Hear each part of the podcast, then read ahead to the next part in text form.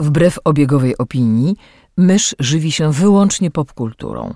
Jest zwierzęciem stadnym, które lubi dzielić się tym, co znajdzie ze światem. Jej naturalnym sposobem komunikacji jest przerywany śmiechem słowotok. Słuchacie podcastu Myszmasz.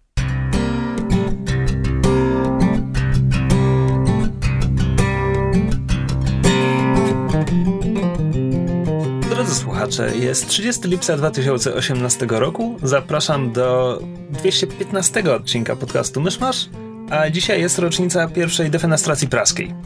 Wiem, że chcieliście wiedzieć. Cześć, jestem Krzysiek Seran, a ze mną przy mikrofonie siedzi mysz Halo! i Kamil Borek. Halo! Czy też powinnam powiedzieć Ola, ponieważ wachluję się wachlarzem, bo Jezus Maria, jak jest gorąco, więc jeżeli usłyszycie dziwne odgłosy, to to jest mój wachlarz. Klekot, klekot, klekot, klekot. Aha. A, Dawno nas nie było. W międzyczasie wydarzyło się mnóstwo rzeczy. znaczy, wciąż kwalifikujemy się jako ten, e, no, nie, nie dwumiesięcznik, dwutygodnik. Wyszliśmy dwa razy w tym miesiącu, więc Jej! jej! Tak, jesteśmy e, ten podcastem publicystyczno-popkulturalnym na czasie. To jest. Tak, więc z newsów e, był San Diego Comic Con. Tak. Tak, i wszyscy już zdążyli powiedzieć wszystko, co się dało na ten temat.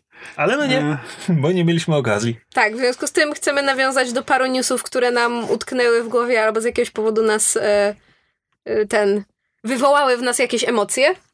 To może Krzysztofie zacznij. Czy coś No to- wywołało w tobie emocje? E, no jeśli ja mam zacząć, to przede wszystkim e, informacja, że Buffy ma wrócić, bo pierwszą emocją, którą wywołała była pewna taka konfuzja. to znaczy, Tak, i fala drobnej niechęci. A właściwie, a właściwie kolejne komentarze twórców tylko pogłębiły tęże konfuzję, bo tak, pierwsze co nam powiedziano to Buffy wraca i The Hollywood Reporter, jeśli dobrze kojarzę, który o tym pisał, użył słowa reboot. A, a jednocześnie było wiadomo, że Joss Whedon będzie producentem, współscenarzystą i tak dalej. I ja miałem takie, ale czemu ten człowiek, który już to zrobił raz 20 lat temu, ma to robić jeszcze raz?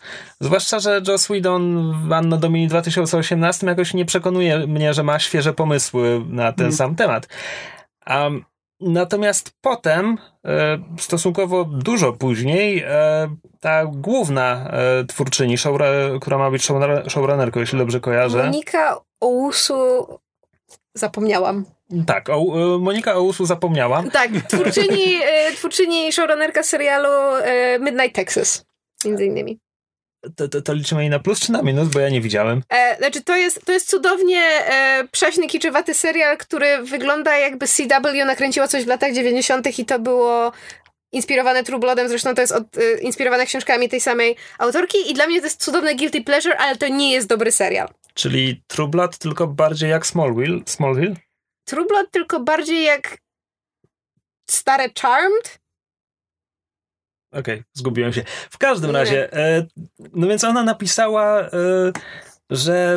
E, Hej, hej, nie reboot. Znaczy, właśnie nie, bo ona tego nie napisała. Ona napisała, że e, inni ludzie mieli Gwiezdne Wojny, ja miałam Buffy. Oryginalna Buffy była moimi Gwiezdnymi Wojnami, więc ja, ja oczywiście nigdy nie chciałabym tego przepisywać i tak dalej, i tak dalej. Ale przyszedł czas na nową Slayerkę, co sugeruje kontynuację, ale ona nie napisała tego wprost, więc wciąż nie traktuję tego jako pewnego potwierdzenia. No ale tak, myślę, że możemy ekstrapolować, że chodzi o e, jakiś nowy serial, który będzie kontynuował losy z, z nową bohaterką e, w, w centralnej roli. E, tu w pierwszej wiadomości y, powiedziano, że, że stacja czy, czy twórcy mają pomysł, żeby to była czarnoskóra aktorka w tej roli. Okej. E, W tym momencie zaczynam się zastanawiać, do, po pierwsze, do jakiego stopnia to będzie powiązane z tym, co było wcześniej. Po drugie, Na ile oleją komiksy? D- tak, tak, bo komiksy, znaczy komiksy, które okazują się obecnie, pociągnęły historię, one się tam jakoś dzielą na sezony, pociągnęły historię do 12 sezonu. Czyli pięć więcej niż było, niż było w serialu. Przy czym te komiksy, jeśli wszystko dobrze rozumiem, a nie mówię, że tak jest, same w sobie ignorowały komiksy, które wcześniej wydawało inne wydawnictwo, które też ciągnęły akcję jakby po czasach serialu. E, Plus musimy pamiętać o tym, że Buffy to nie tylko Buffy, to jest również e, Angel, to jest, to jest całe B- Buffyverse, jeśli mogę tak powiedzieć i nikt mnie za to nie ukamieniuje. E, A, że tak powiem, w komiksowych kontynuacjach Angela też działy się różne dziwne rzeczy. Jeśli dobrze kojarzę, Los Angeles jest teraz w piekle, więc tak sobie myślę, że machnął na torełką ci twórcy nowego serialu, bo tego jest trochę za dużo. Mm. Że Tak, mnie to, mnie to tak strasznie nie bulwersuje, jak gdyby to miał być reboot, reboot. No bo w, Znaczy, ja bym przyjął reboot jakby z otwartymi ramionami, gdyby nie robił tego Widon, bo to po prostu jak człowiek sam się rebootuje, to, to ja mam pytanie po co? Znaczy pewnie tak, znaczy, to, to jest też pytanie, na ile jakby Whedon rzeczywiście będzie to robił, a na ile to jest po prostu sygnowane jego nazwiskiem, a on po prostu przekaże pałeczkę młodszemu pokoleniu i tylko będzie nad tym, no to jest trochę tak jak przy agentach, też niby to jest serial, który nominalnie w, w, Whedon był jego showrunnerem, a Był? nic przy nim nie robił. Czekaj, czekaj, że showrunnerem zawsze był ten drugi Widon. Jego brat z żoną. A nie, no, pierwsze to może tylko w pierwszych że odcinkach. No może. Znaczy on może pierwszy reżyserował, ale jakby Joss nie Mm. miał wiele wspólnego z agentami. Nie, zdawało mi się, że jakby pierwszy sezon był głównie jego nazwiskiem sygnowany. Znaczy on i jego brat mają to samo nazwisko. Tak, Dobra, więc to jest, to jest news o no o to mi Buffy. chodziło, ale dobrze. ale jak się pięknie złożyło. Tak. E, no, to teraz kolejna kogoś innego. E, To z newsów, które się też poniosły dość szerokim e, echem, em, gruchnęła wieść, to było chyba nawet tuż przed Comic-Conem, że e, James Gunn został em, wysiudany ze stołka reżysera trzecich Guardians of the Galaxy. W związku z tweetami, które dobrych chyba 10 lat temu, jeśli nie więcej, był, by, był, że pisał na Twitterze, które były e, nieprzystojne, niemoralne i w więcej niż jeden sposób obraźliwe. No i przepraszam, e, zostały niejako wywleczone przez prawicowy, e, prawicowy ruch internetowy. E, No i, i, i, i są oczywiście dużo, du- jest dużo spekulacji na temat tego, czy Disney wiedział wcześniej o tym i czy po prostu teraz sobie kryją e, tyłek PR-owo, czy, czy nie wiedzieli, czy słusznie, czy niesłusznie, czy należy kogoś karać za coś, za co już wielokrotnie przepraszał i co było kiedyś, jak to się wpasowuje w ruch Me Too i em, wyciąganie konsekwencji, konsekwencji dla osób, które em, w jakiś sposób zachowały się źle lub niewłaściwie. No i na fali tego em, również pojawiła się chyba dzisiaj albo wczoraj informacja, że Ryan Johnson, którego dość ek- ekstensywnie jako twórcę omawialiśmy w, w podcaście, em, przyznał, że skasował do jakieś 20 tysięcy swoich tweetów e, z, całej, z całego swojego timeline'u em, profilaktycznie. Ponieważ em, nie chciał ryzykować, że ruch prawicowy również za niego się weźmie i będzie próbował mu robić koło pióra. Czy, e, o kim teraz mówiłaś? Ryan Johnson, reżyser ostatnich Gwiezdnych Wojen. Czekaj, a czy to nie było tak, że Gun te swoje też już dawno temu wykasował? Tak, oni tylko też je po prostu wyciągnęli, one, one, one były skasowane. One były skasowane, inter- internecie nic nie Znaczy, ginie. to jest właśnie ten problem, że jakby po pierwsze te tweety on skasował już dawno temu. I już raz za nie I tak, przeprosił. przepraszał jakby za nie, znaczy tam jest też, te ludzie na przykład się kłócą, że no nie przeprosił za nie, przeprosił za swojego bloga. On jakby przeprosił jakby za całość swojej twórczości jakby właśnie takiej publicystyczno-social mediowej, e, bo jakby przyznawał, że kiedyś próbował być prowokatorem i w, e, Znaczy, No na i- miłość boską to jest twórca, który był w pewnym momencie znany z tego, że kręci Tak, no. serię shortów PG Porn, więc jakby tak, no tak. Tym, no, poza tym był reżyserem Tromy, Ale więc... PG Porn jest śmieszne, a Też te prawda. tweety nie Tak. były. Nie. Em, tak, i, to jest tak, ludzie to porównują najczęściej, jakby jak widzę porównanie, to to jest do sytuacji z Roseanne Barr, e, czyli twór, twórczynią i główną, e, główną bohater, znaczy aktorką i bohaterką serialu Roseanne. Który niedawno E, miał reboot, tak, Tak, miał reboot i po pierwszym sezonie ona właśnie została wywalona i tam się jakby skasowano ten serial i powiedziano, że później, że zrobił spin-off tego serialu, ale już bez, e, bez Roseanne Barr. I Po- Roseanne została wyrzucona za skrajnie, em, że tak powiem, em, znaczy, bo ona ma otwarcie prawicowe poglądy, Tak. jest z, z supporterką, znaczy popleczniczką Donalda Trumpa i została wyrzucona za bardzo, um, że tak powiem, nie, nie, niedobre tweety o naturze um, znaczy, no, rasistowskiej. rasistowskiej nie, nie, nie, nie, próbowałam, próbowałam e, okiełznać gramatykę tego zdania, ale dziękuję, że mi to wytknąłeś.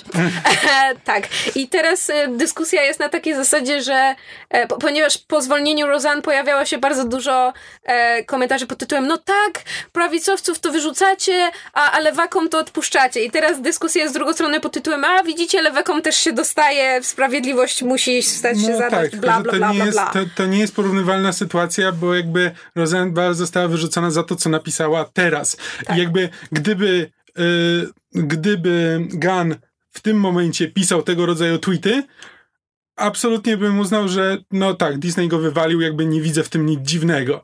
E, natomiast e, Gun od wielu lat i to jeszcze, i to nie jest tak, że on na przykład zmienił, e, zmienił mm, ton po zatrudnieniu przez Disneya, że ponieważ wiedział, jakby e, te przeprosiny są z 2000, przeprosiny za jakby tą swoją dotychczasową twórczość są z 2012 roku, chyba dwa lata przed, e, przed e, jakby datą premiery w, z...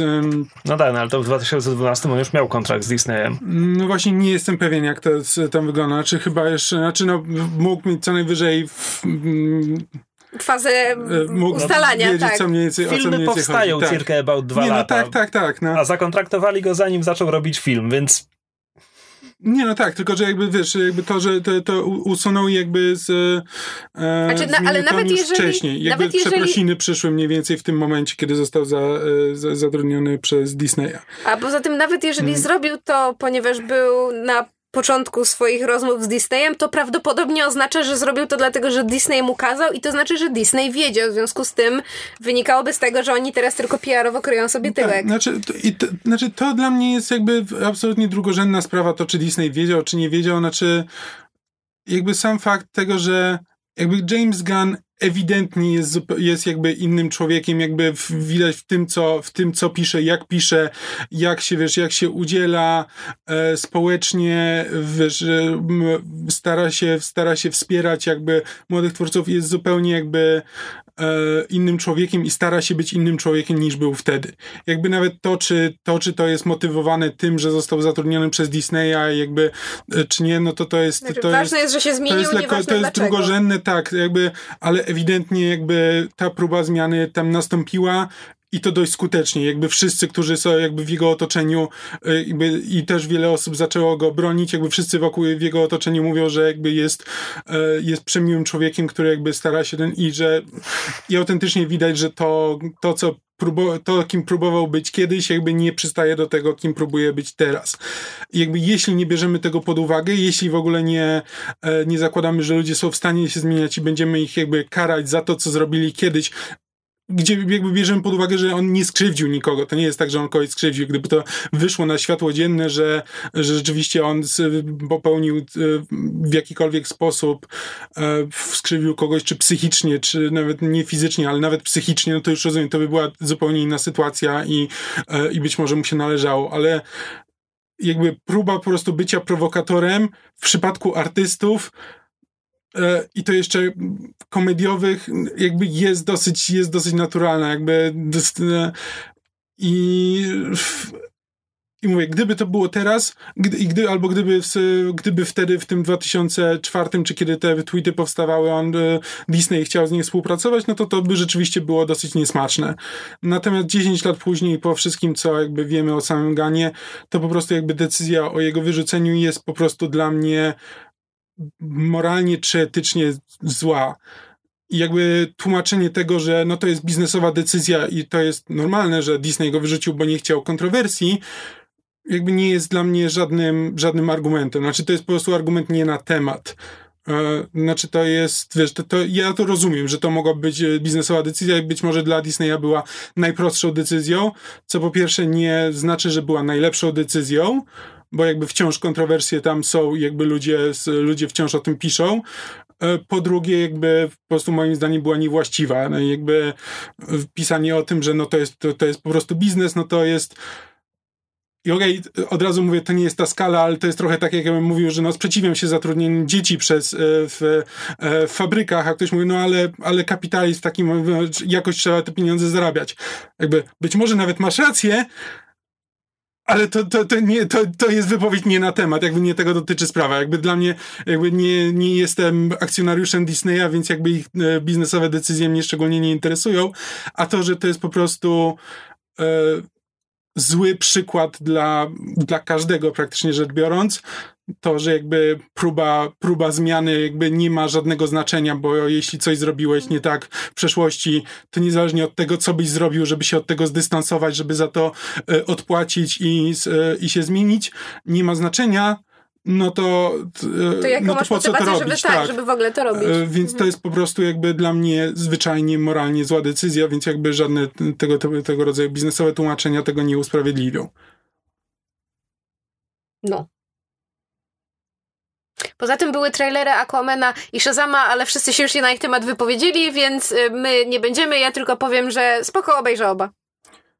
E, a ja tylko chciałem powiedzieć, że z, Joss Whedon jest e, executive producerem stu ponad odcinków Agentów Tarczy, więc zakładam, że wszystkich.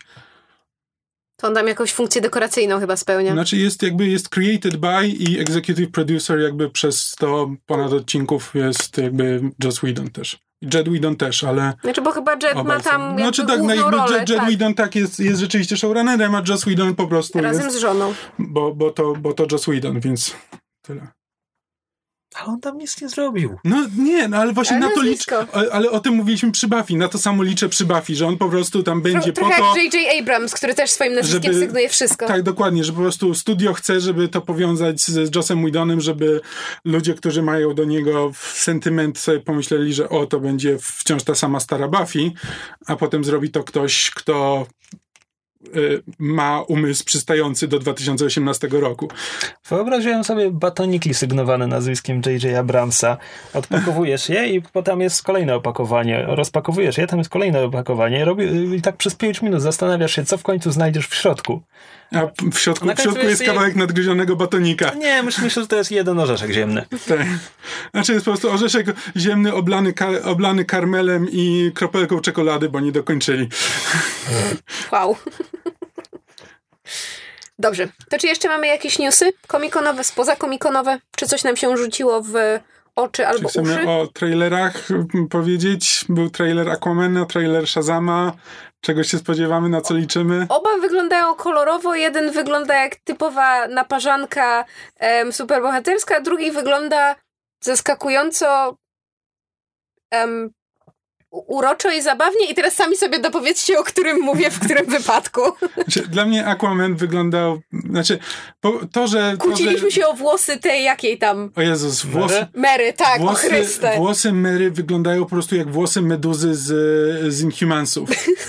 E, a po prostu z, ja z, zrobiłem stopklatkę i pokazałem myszy z, zdjęcie. W pewnym momencie to po prostu ktoś wygląda jakby wziął trochę po prostu czerwonej wstążki i rzucił na pierwszy plan, po prostu z tyłu widać, widać jej włosy i po prostu nie mieli nawet pieniędzy na, na to, żeby e, tam jakiegoś, jakiegoś standina do, dublera wrzucić, więc po prostu taki kłębek, kłębek czerwonych ale sznurówek ale wrzucili. Mówimy o jakimś ujęciu, że jest pod wodą i komputerowo Nie, właśnie nie, nie, nie, jest na powietrzu i to jest najzabawniejsze. Tak, jest A ja po prostu takie... widać tył jej głowy po prostu w jakiejś, w jakimś ujęciu i po prostu to jest taki kłębek czerwonego sznurka.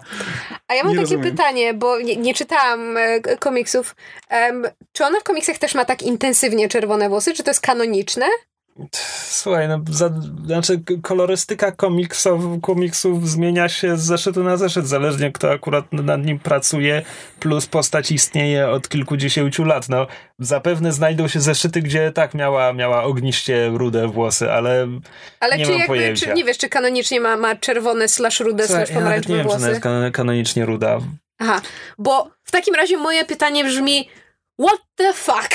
Bo po prostu to jest tak nienaturalny kolor, że jeżeli jedynym, znaczy jedyny Znaczy, powód, dla który kanon- mi przychodzi... kanonicznie, kanonicznie to ona jest w ogóle z innego wymiaru, jeśli dobrze pamiętam. Fantastycznie. Być może jest to w filmie i może to tłumaczy, dlaczego wygląda jakby się urwała z em, wystawy lalki Barbie Disney Arielka, bo to jest jakby moje jedyne wytłumaczenie, które jestem w stanie sobie w głowie ukuć, dlaczego ona ma taki absolutnie absurdalny kolor włosów, jest taki, że oni próbowali nawiązać w jakiś dziwny sposób do małej syrenki, bo ona też mieszkała pod wodą. No dobra, ale nie mogła ich sobie po prostu zafarbować na ten kolor? Może lubi.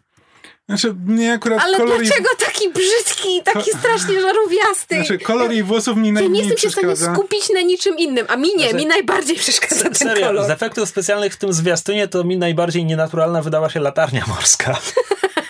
Znaczy w ogóle jakby efekty są dziwne. Znaczy efekty wyglądają trochę... Znaczy miałem straszne skojarzenia z tym zwiastunem tego, tej chińskiej produkcji, która miała być e, następcą Awatara.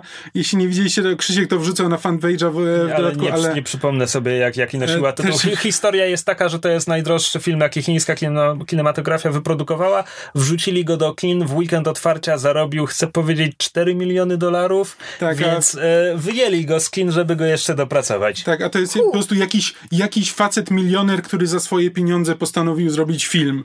E, I po prostu to wygląda. No, w, nieważne jak wygląda, ale wygląda tragicznie. I to.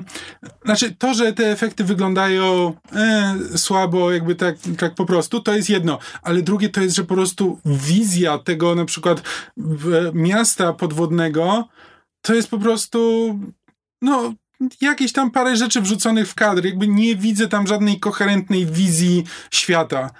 E, No dobra, no ale koherentna wizja jakby w, w kilkusekundowych urywkach trochę trudno powiedzieć. znaczy tak, ale nie, nie zrobiło to na mnie żadnego wrażenia. Znaczy wiesz, no jak widzisz, jak były zwiastuny Black, Black Panther, Panthera... czekałam aż powiesz Black No tak, no ale no, jak wiesz, no to Wakanda od razu widzisz, że to jest jakby żywe, y, y, żywe y, tam, no miasto. No, No zresztą dobra, Wakanda ale, nie jest ale, miastem, ale, ale... nie pow- ale nie powiem, że widziałem koherentną wizję Wakandy w zwiastunie Black Panthera.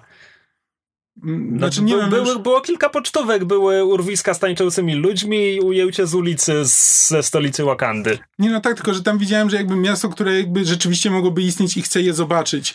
A tutaj to jest takie, no po prostu by, Znaczy- co akurat artysta CGI miał w głowie, to wrzucił na ten i... Znaczy, mm, ja szczerze mówiąc się trochę martwię, bo jakby e, oglądałam jakiś krótki wywiad z e, Jamesem Wanem, czyli reżyserem Aquamana przy okazji właśnie e, San Diego Comic Con i on by jakby mówił, że dla niego największym wyzwaniem w tym, znaczy dla, dla niego w tym filmie praktycznie każda scena, nawet jeżeli to była tylko rozmowa dwóch bohaterów pod tytułem, wiesz, ujęcie na twarz, kontrujęcie, była problemem, ponieważ tak wiele z niego dzieje się pod wodą i nawet prosta rozmowa wiązała się z niesamowitą ilością efektów specjalnych, em, obostrzeń, CGI i tak dalej.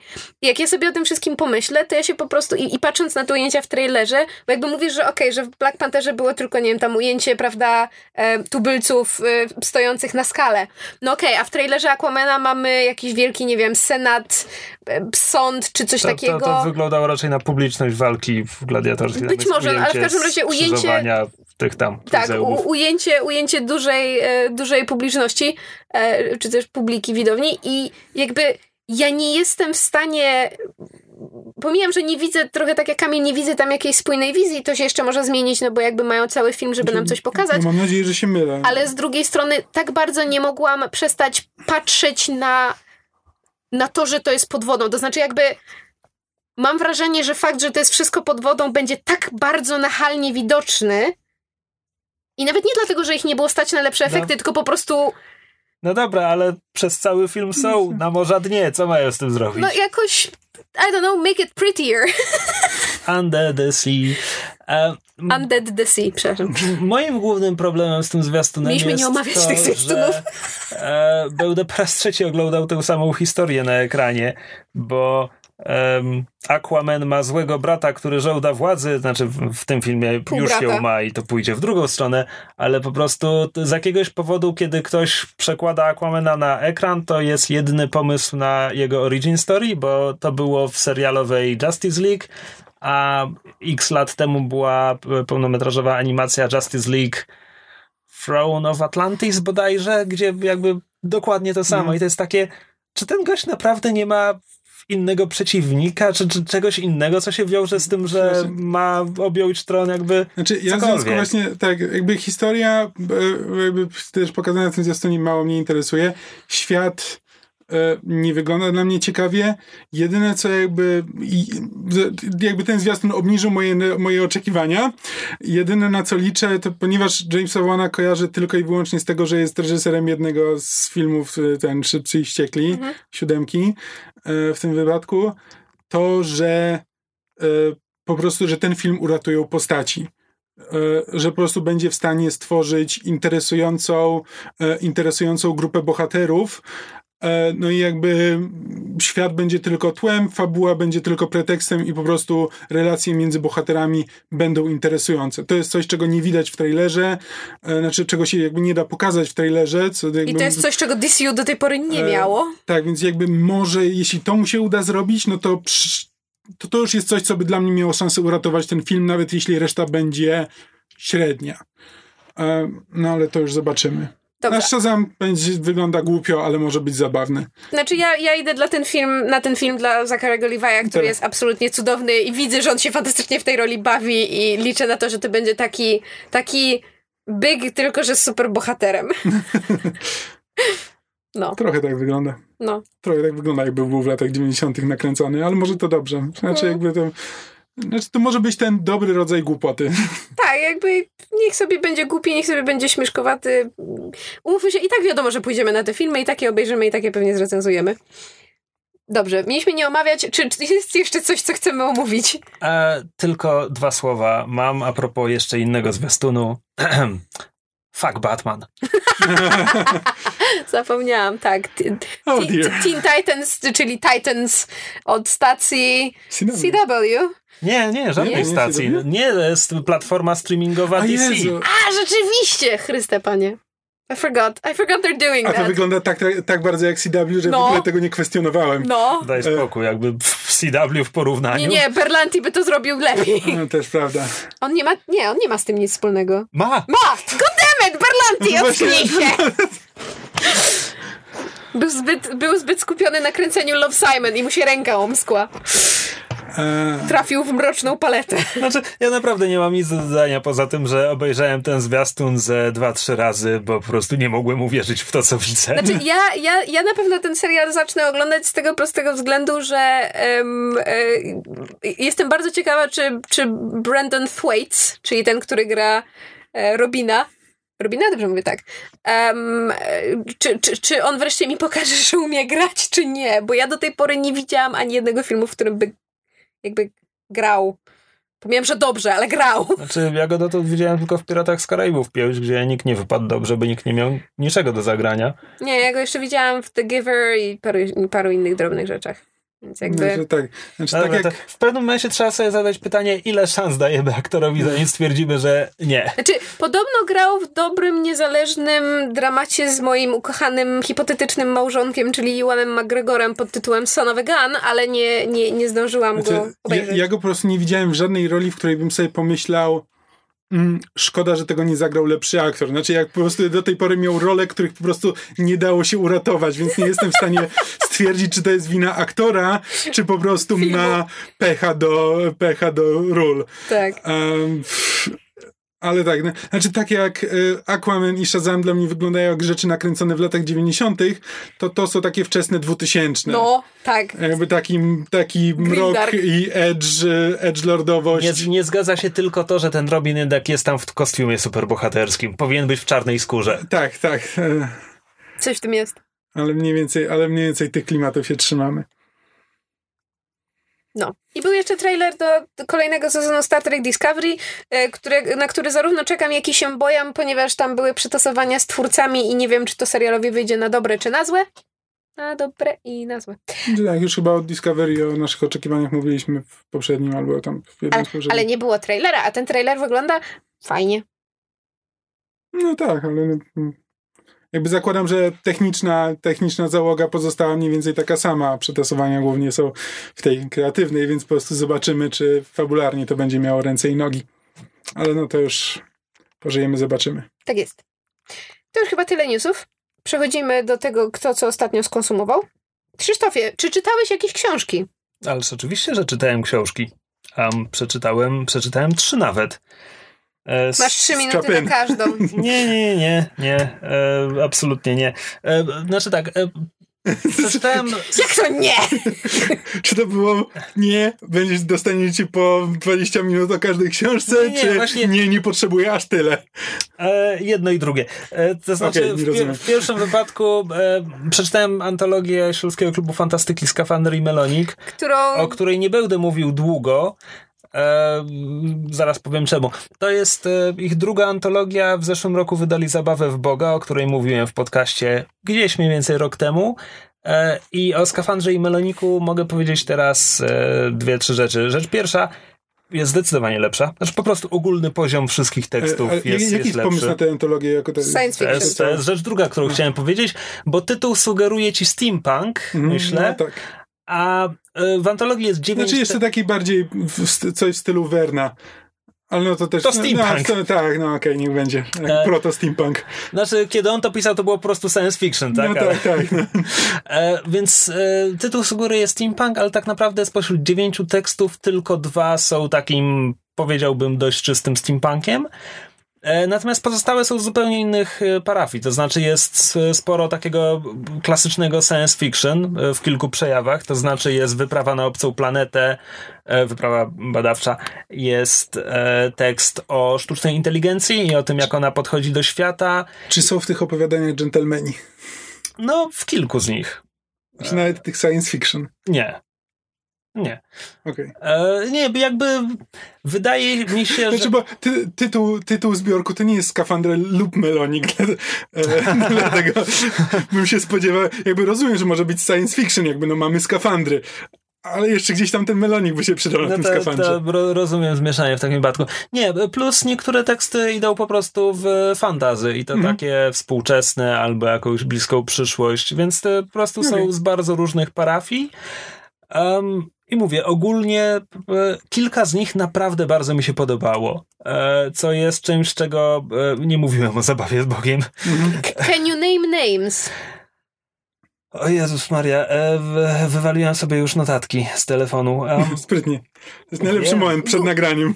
Good done, well job. Um, Dobra, więc może teraz powiem, czemu nie będę teraz mówił o tym długo, ponieważ nagrałem z dziewczynami specjalne czytu czytu, które też się ukaże w tym tygodniu. Jeżeli ktoś się śledzi na Instagramie i na Facebooku, to mógł widzieć na zdjęciu, bo była okładka w tle. Tak. E, i, I tamten odcinek jest w całości poświęcony temu zbiorkowi, Rozumiem. dlatego tutaj tylko odsyłam do czytu czytu, które ukaże się na dniach w momencie. No dobra, ale takie szybkie podsumowanie. Takie szybkie podsumowanie. E, jest tu kilka naprawdę bardzo fajnych tekstów. E, tekstów, które myślę, że będę pamiętał na przykład za rok, kiedy mm -hmm. wyda, trzecią antologię. A już zapowiedzieli? E, w, wydaje mi się, że to będzie po prostu ich stała tradycja teraz. Nie, bo na przykład na koniec Zabawy w Boga jest, jest chyba, na, czy w, na koniec przedmowy w Zabawie Boga jest napisane, że kolejny tom będzie się nazywał Skafander i Melonik i będzie science fiction i już są jakby więc stąd moje pytanie. Wiesz co, wydaje mi się, że tutaj w przedmowie nie ma takiej, takiej zapowiedzi, ale zakładam, że coś będzie. Um, natomiast e, zabawa w Boga była taka, że chyba mówiłem o niej elegancko, że każdy znajdzie coś, co mu się spodoba. I faktycznie były tam teksty, które mi się podobały bardziej od innych. Natomiast w Skafandrze i Meloniku po prostu są teksty, które mi się podobały -hmm. bez żadnych dodatkowych kwantyfikatorów. Mm -hmm. Plus to jest tak, że E, wydanie drukowane można kupić na konwentach i chyba mają jakąś sprzedaż wysyłkową, ale nie cytujcie mnie. Natomiast e-booka można sobie po prostu pobrać z ich strony no. za darmo, za nic. Za darmo. Więc no. e, jakby no nie ma powodu, żeby tego nie zrobić. Czy pierwsze opowiadanie jest dobre? Czy, nie. Czy pierwsze... A, to problem. To, od którego powinni słuchacze zacząć, żeby na przykład się przekonać, jakby chcieli ściągnąć e-booka i zobaczyć to, które opowiadanie powinni, od którego powinni zacząć? Od trzeciego. Dobra, jak się nazywa? E, coś przez dziurkę od klucza. Dobra. W sensie to nie jest tytuł, nie pamiętam no pierwszego słowa. Zrozumiałem. Tak. Nie, dobra, tekst, teksty, które e, wspominam najbardziej pozytywnie, to są e, Ślady w popiele, Flaun, e, to coś przed dziurkę od klucza, czego dokładnie nie pamiętam. Mm, to są chyba trzy teksty, które mm. mi się mhm. najbardziej spodobały w zbiorku, ale jakby co najmniej połowa z nich jest, jest dobra. E, autentycznym rozczarowaniem było dla mnie to, że tekst Michała Cholewy był jednym z bardziej nijakich w całym zbiorku. E, dobra, To jest wszystko o skafandrze i meloniku. Po więcej odsyłam do czytu czytu, a, bo tam przyglądamy się z uwagą każdemu tekstowi. E, tak, co jeszcze czytałem? Przeczytałem książkę The Storm Before the Storm. Nie, bez pierwszego dy. Storm Before the Storm autorstwa Mike'a Duncana. To nie jest powieść, e, to nie jest e, fikcja, to jest, to jest książka historyczna dotycząca 100 lat poprzedza, poprzedzających okres poprzedzający upadek Republiki Rzymskiej. To znaczy. Wow! Idea jest taka, że. To już znaczy, tak, Musiałam ogarnąć, tak, czekaj. Tak. Wow. Ma, ma, okay. Mike Duncan jest podcasterem. E, miał podcast w tym momencie już zakończony The History of Rome, mhm. który dociągnął od powstania Rzymu do upadka cesarstwa, upadku cesarstwa zachodniego. Upadka? Zasadzka. E, więc, więc jak dotarł do upadku Cesarstwa Zachodniego, to stwierdził, że no dobra, wyczerpałem temat, zamknął ten podcast, teraz prowadzi podcast e, The Revolutions Podcast, który można powiedzieć, że mm, operuje sezonami i w każdym sezonie szczegółowo opisuje jakąś rewolucję. Hmm. E, jeszcze się za to nie wziąłem, ale, ale mam zamiar. E, a The History of Rome zacząłem słuchać, dopóki nie znudziłem się gdzieś w drugim albo trzecim wieku, kiedy cesarze zmieniają się po prostu co, co tydzień i e, pogubiłem się zwyczajnie.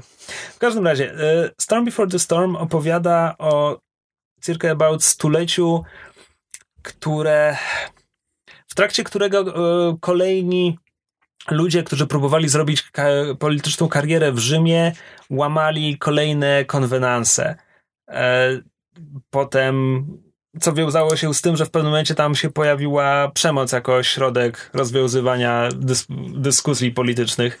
W sensie, ten trybun robi nam problemy, zabijemy go, nie ma już problemu. E, co w perspektywie przetarło drogę dla e, Pompejusza, Krasusa, ostatecznie Juliusza Cezara. To jest historia, którą w różnych formach jakby poznaję po raz trzeci, no bo słuchałem podcastu mm. Mike'a Duncana, słuchałem e, Hardcore History Dana Carlina, który miał chyba 12-godzinny e, cykl o właśnie tym okresie, plus dalej, bo on poszedł aż do, aż do Cezara. E, no i teraz przeczytałem tę książkę, e, która jest bardzo fajnie napisana. Powiedziałbym, że to jest trochę dla laików, to znaczy mhm.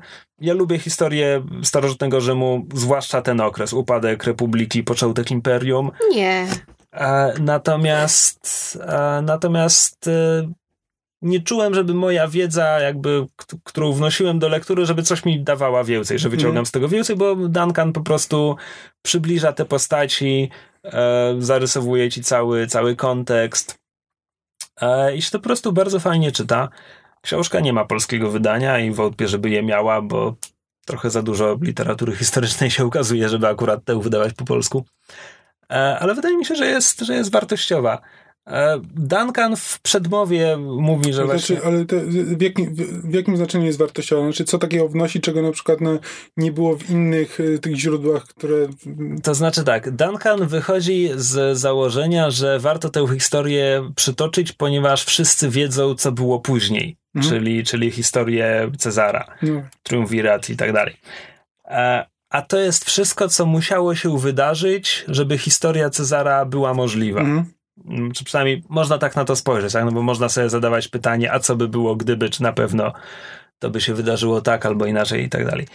E, I on jakby mówi, że napisał tę książkę, bo dotąd jej nie było. W sensie, że to jest ten okres, który, hmm. jasne, historycy i opracowania takie stricte historyczne mm, się nim zajmują, natomiast nie ma wiesz, nie ma 30 filmów hollywoodzkich o, o Sully, tak? A o, o Cezarze, czy, czy to jest po prostu pogłębiona historia tego mm, wcześniejszego etapu, czyli na przykład jakby słuchając y, podcastu Dana Carlina, to jakby dostaniesz mniej więcej jakby te same, te same jakby słuchając... wydarzenia, ale nie w, tych, nie, nie w tego rodzaju szczegółach. E, tak, to znaczy Carlin, Carlin jest szczegółowy, tylko on opowiada tę historię, zaczyna w tym samym punkcie, mm. czyli chcę powiedzieć połowa drugiego wieku przed naszą erą, e, koniec, e, koniec trzeciej wojny z Kartaginą, koniec Kartaginy, mhm. kropka. E, natomiast Karlin prowadzi to aż do momentu, gdy Cezar sięga po władzę i co się dzieje zaraz później i co mm. robi Oktawian. E, natomiast tutaj Duncan ignoruje te ostatnie 50 lat i, i ci mówi tylko o, o tym wieku, o tym stuleciu. Właśnie. Chyba wyczerpałem ten temat. I na koniec e, przeczytałem drobiażdżek e, Margaret Killjoy, czyli autorki The Lion Will Slaughter the Lamb, o której mówiłem tak ze trzy miesiące temu. To była e, powieść fantazy z akcją umieszczoną współcześnie na zadupiu e, Ameryki, której bohaterami była grupka panków, anarchistów, Mhm. um, postaci, e, ró, róż, różnych postaci e, queer pod różnymi względami. A teraz przeczytałem e, The Barrow Will have a weird title. Um, The Barrow Will Bring What It May, która jest kontynuacją tego cyklu. Zakładam, że na dwóch książkach się nie skończy. E, Jest kontynuacją bezpośrednią, to znaczy zaczyna się niemalże w momencie, w którym kończy się poprzednia część, aczkolwiek fabuła, którą tutaj opisuję, em, jest, jest dość zamknięta. Zamknięty rozdział. Em, Natomiast taki, który ci bardzo sugeruje, że będzie coś dalej. A ta książka jest niemal dwa razy grubsza od poprzedniej, co oznacza, że ma oszałamiające 170 stron. O mój Boże, jak to wiem, przeczytać? wiem, wiem. Kto ma tyle czasu? Właśnie ja, ja, ja je bardzo lubię, bo to jakby podbija mi statystyki w tym roku. W każdym razie, e, naszym, mówiłem trzy miesiące temu, że na koniec, na koniec tej pierwszej części nasi bohaterowie, którzy właśnie przeżyli praktycznie rzecz biorąc pierwsze spotkanie z nadnaturalnymi siłami, decydują, hej, zostańmy łowcami demonów. Tak mocno ni z tego, ni z owego. Like you do. Właśnie. Właśnie. E, a w tej książce wpadają na swoją, że tak powiem, pierwszą sprawę już jako, już jako ekipa, która chce się tym zajmować, a przynajmniej nie ma lepszego pomysłu na życie chwilowo. E, I zaczyna się równie intrygująco co, co poprzednio, to znaczy e, jadą autostopem, podwozi ich, e, kobieta, jakaś kobieta podwozi ich do miasteczka, w którym mieszka i e, tuż przed tym, jak ich wysadza, informuje ich, że, że zmartwychwstała. Że, że była martwa pół roku, a, a teraz znowu Mhm. żyje. Zdarza się. Like you do. Tak. E, a, a, podwozi ich, a podwozi ich do biblioteki, którą. E, to była publiczna biblioteka, która upadła, bo miasto stwierdziło, miasteczko stwierdziło, że nie ma na to funduszy, więc wprowadzili się tam skłotersi. Wprowadziła się tam para z biegiem okoliczności punków, anarchistów, ludzi takich jak oni. E, I z kolei niemalże pierwsze, co od nich słyszą, to jest, e, że aha, jesteście łowcami demonów, czy, czy przejechaliście tutaj z powodu zaginięć? Więc zaraz potem mamy zmartwychwstanie, mamy jakieś tajemnicze zaginięcia. E, to się wszystko bardzo fajnie zaczyna. Czy, w tak, które sobie mówisz, jakby biorąc pod uwagę długość tych, e, tych książek i taki e, i założenia historii, to brzmi trochę jak e, przygody trzech detektywów, czy tego typu książki, książki dla młodzieży, detektywistyczne książki dla młodzieży. To znaczy, powiedziałbym, że to jest trochę bardziej jak ta dziwna seria Scooby-Doo, w której duchy były prawdziwe, co było idiotyczne, biorąc pod Mhm. uwagę wyjściowe założenie Scooby-Doo. E, no więc te, jak to było? Scooby-Doo i 13 duchów i skrzynia 13 demonów. By, była Znaczy, taka nie, dziwna... Nie, bo od tych serii różnych Scooby-Doo było jakby podejście do tego, czy y, zjawiska y, ten paranormalne są prawdziwe, czy nieprawdziwe, to się zmienia z serii na serię. Poza więc... tym umówmy się, jednym z najlepszych animowanych filmów Scooby-Doo jest Scooby-Doo i ten Wilkołak chyba? Nie, Scooby-Doo i e, potworne wyścigi. Nie pamiętam. To jest taki film, w którym e, Shaggy zostaje porwany i zamieniony w wilkołaka, żeby brać udział w wyścigu samochodowym potworów. I to jest fenomenalny film. Strasznie fajny. And it's really creepy for a kid. I nie mówimy tu o Wacky Racers. Ani Właśnie nie, ale jakby jest, jest Znaczy, trochę na podobnym ma, pomyśle. Mam wrażenie, że większość, większość fi, tych kinowych, znaczy kinowych, no, tych Tak, no, ale fil, jakby- filmowych Scooby-Doo właśnie e, przyjmuje to, że duchy są prawdziwe. Albo Tak. kosmici są prawdziwi, Ale- albo ale to zabójcze akurat- klauny są prawdziwe. Ale to był akurat bardzo fajny film, według moich wspomnień. Znaczy nie, nie, nie oglądałem ani jednego z nich.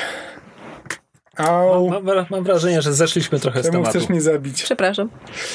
E, tak, zeszliśmy trochę z tematu. O czym mówisz? A, twoja książka, tak. E, tak. Pamiętasz jeszcze o czym mówiłeś? Bo ja nie. E, no, bo, no bo ty zasugerowałeś, że to jest jak przygody trzech detektywów. E, Tak. no więc nie. Dobrze. Brzmi trochę jak odcinek To znaczy- Supernatural. Ewentu ewentualnie jest to coś jak, jak Scooby-Doo albo Supernatural, tylko dla lewackiej młodzieżówki.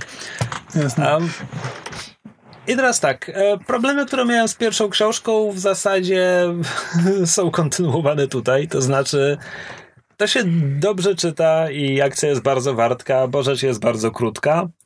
E, Przez co cierpią postaci, bo ja mam wrażenie, że to jest już druga książka, którą przeczytałem i wciąż mam tylko najbledsze wyobrażenie o tym, Mhm. kim ci ludzie są, jacy oni są. Lewakami. Lewacy wszyscy tacy sami. E, No właśnie, rzecz w tym, że tutaj ta ich ideologia, ona się czasem pojawia w narracji głównej bohaterki, tylko najczęściej pojawia się w ramach takich, e, w ramach takich,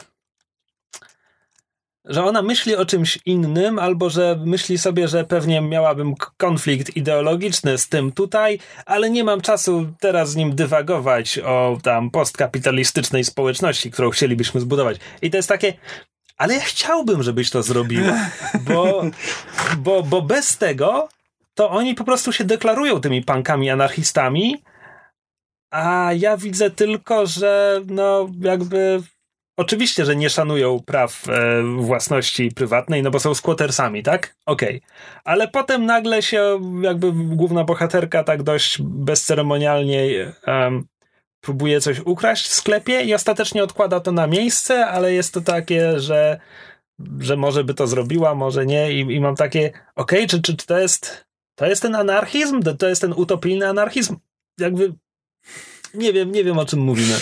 Włas, własność, własność prywatna to kradzież. E, tak. Do tego, do tego jest tutaj kilka skrótów fabularnych, w sensie fabuła miejscami idzie na skróty. E, I tak, jednym z nich jest, hej, jesteście łowcami demonów, jesteście tu z powodu zaginięć, a w ogóle to hej, czem chata bogata w tym w tej bibliotece, którą e, zajęliśmy przez zasiedzenie, Like you do. like you do. Um, plus? Okej, znaczy ja mogę przyjąć, że to faktycznie jest taka społeczność, która każdego innego członka tej społeczności, choćby go nie znali osobiście, to przyjmie, zaprosi i będą się dzielić wszystkim. No bo jeśli mają być utopijnymi anarchistami, okej, dobra.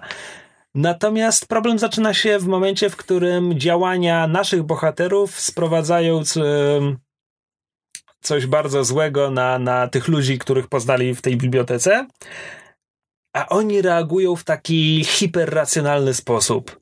Na zasadzie, no początkowo to was obwiniałem, ale wiem, że musimy działać i w ogóle jakby tam brakuje ludzkiego zachowania, tam Mm. brakuje ludzkich emocji. E, No i to jest Mhm. trochę problem. Ale wciąż jakby mam dużo frajdy z tych książek i, i sięgnę po inne rzeczy Killjoy, bo ona poza tym cyklem, chyba mogę to już tak nazywać, skoro napisała dwie książki o Daniel Kane, Poza tym pisała też inne rzeczy, jakieś chyba sci-fi i coś o duchach i w ogóle, więc e, chcę to przetestować.